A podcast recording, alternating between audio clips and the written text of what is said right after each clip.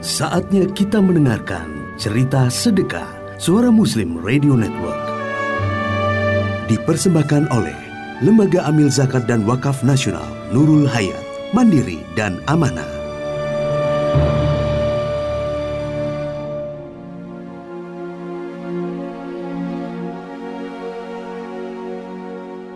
Assalamualaikum warahmatullahi wabarakatuh. Nama saya Aisyah. Saya akan menceritakan kisah inspiratif sedekah lapang hati di saat sempit. Sampai setelah 16 tahun berlalu, kisah ini menjadi bagian perjalanan hidup saya yang sangat syarat hikmah. Waktu itu tahun 2002 dampak krisis global masih memporak-porandakan perekonomian dunia, termasuk Indonesia. Kala itu, saya baru mulai membangun rumah tangga. Baru empat tahun menikah, dan alhamdulillah dikaruniai dua anak laki-laki yang sehat dan lucu, tiga tahun dan satu tahun. Saya mundur sedikit ke tahun sebelumnya ketika badai pertama datang melahirkan anak kedua secara normal dengan berat hampir 4,5 kg dan masa kontraksi yang hanya 45 menit ternyata berakibat fatal pada saya. Saya mengalami komplikasi postpartum, jantung saya membengkak sangat parah.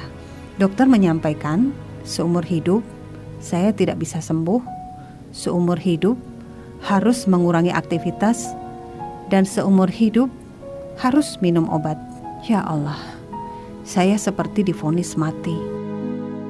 Itu disampaikan dokter ahli jantung bulan Agustus 2001 ketika bayi saya masih berusia tiga bulan. Kondisi tubuh yang sangat lemah dan bertambah lemah setelah mendengar penjelasan dokter ahli jantung tersebut. Kedua klep jantung saya bocor Pembengkakan yang parah itu menyebabkan kemampuan pompa jantung saya hanya tinggal 11%. Saya tidak bisa bernafas normal, selalu tersengal-sengal. Makanan sulit masuk, tidur harus setengah duduk, dan sepanjang malam seluruh tubuh basah oleh keringat. Nyaris tidak bisa melakukan aktivitas apa pun. Bahkan sekedar mengangkat panci sayur saja nafas saya akan tersengal. Yang paling sedih, saya tidak bisa menggendong dan menyusui bayi saya. Benar-benar tidak sanggup.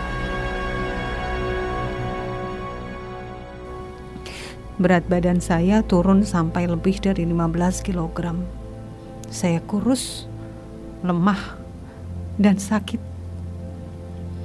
Kalau sedang di kamar mandi, saya tidak berani mengunci pintu karena takut mati mendadak.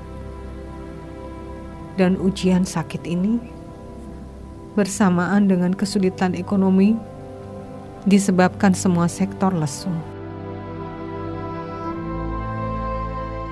Ketika hamil anak kedua, bank tempat saya bekerja diakuisisi bank lain. Menjadi kerja lagi tidak mungkin karena di setiap kehamilan saya di trimester pertama, saya selalu mengalami hiperemesis, muntah berlebihan hingga harus diinfus. Usaha suami saya mengalami goncangan berat. Klien tidak bisa membayar, sementara biaya produksi sudah keluar. Sebagian karyawan dirumahkan, sementara karyawan yang tersisa gajinya pun tersendat. Dan karena suami pimpinan di perusahaan ini, maka gaji suamilah yang paling akhir dibayar. Kadang sampai tiga bulan tidak menerima gaji sama sekali. Kondisi ini membuat kami semakin kesulitan. Suami pontang-panting mencari tambahan pekerjaan agar bisa memberi makan keluarga. Hutang jangan ditanya. Kami yang saat itu belum paham riba sangat mengandalkan kartu kredit hingga membengkak tak karuan hidup rasanya sangat berat. Yang menguatkan saya waktu itu adalah ketenangan suami.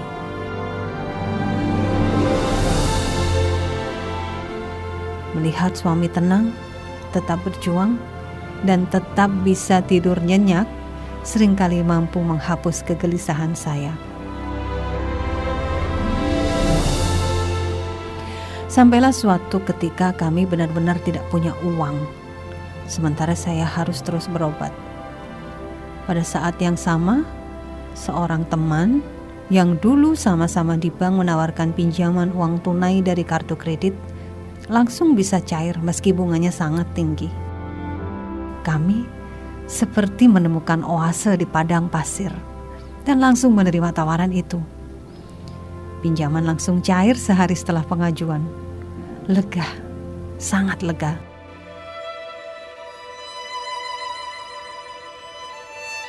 Sore hari, tiba-tiba saya dikejutkan dengan telepon sahabat saya yang dulu juga di bank. Dia menangis mengatakan kakaknya kena kanker dan tidak bisa keluar rumah sakit kalau tidak membayar biaya rumah sakit. Ya Allah, waktu itu kami semua memang berada dalam masa-masa sulit.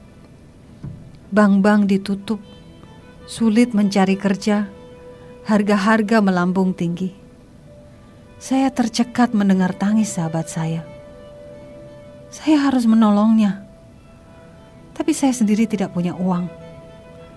Ada uang pinjaman dengan bunga tinggi, dan itu pun sangat kami butuhkan untuk makan dan obat.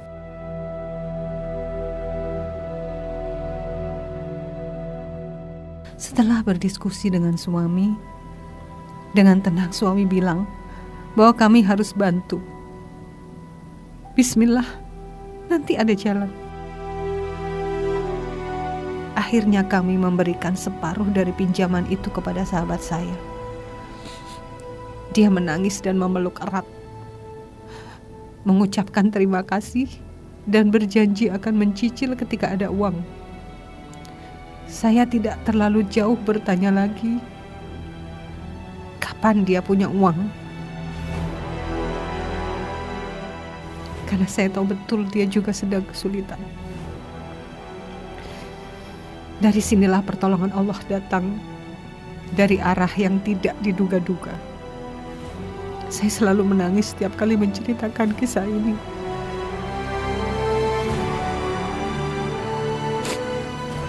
Dua minggu setelah kami membantu sahabat saya, kolega suami menghubungi dan meminta suami mengerjakan sebuah pekerjaan di luar negeri dengan modal yang seluruhnya ditanggung oleh kolega suami saya.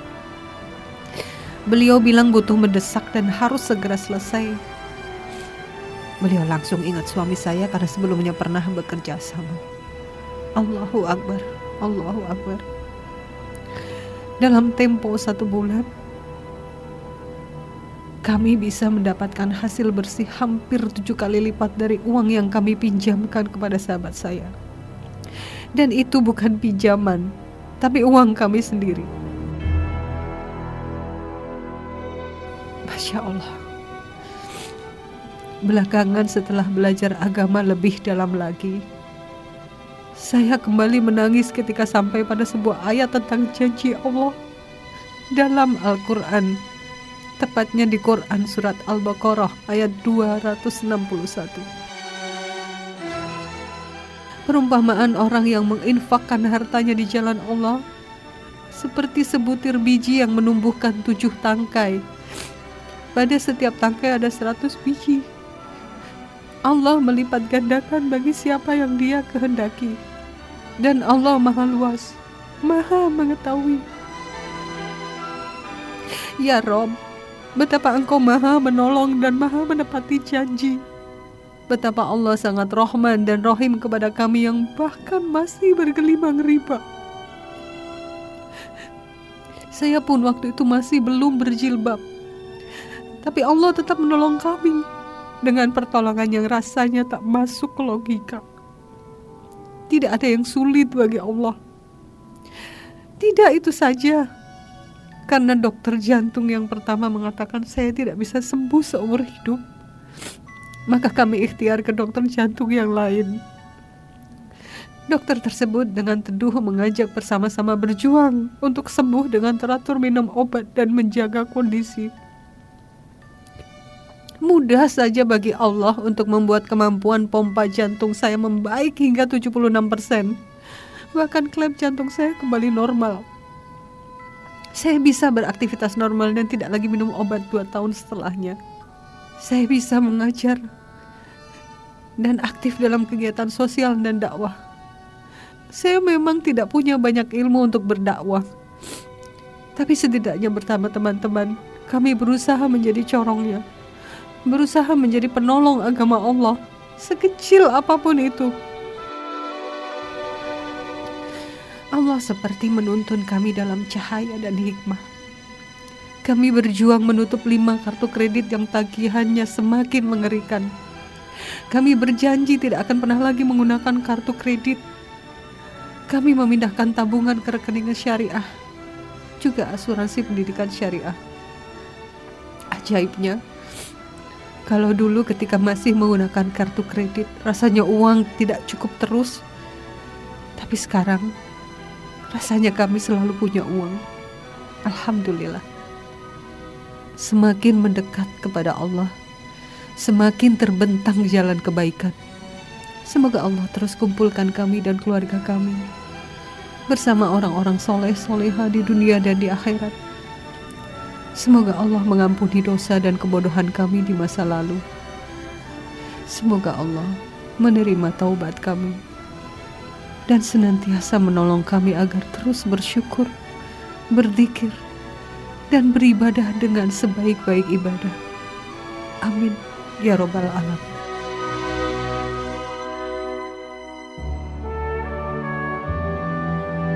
Anda baru saja mendengarkan cerita sedekah Suara Muslim Radio Network. Dipersembahkan oleh Lembaga Amil Zakat dan Wakaf Nasional Nurul Hayat, Mandiri dan Amanah.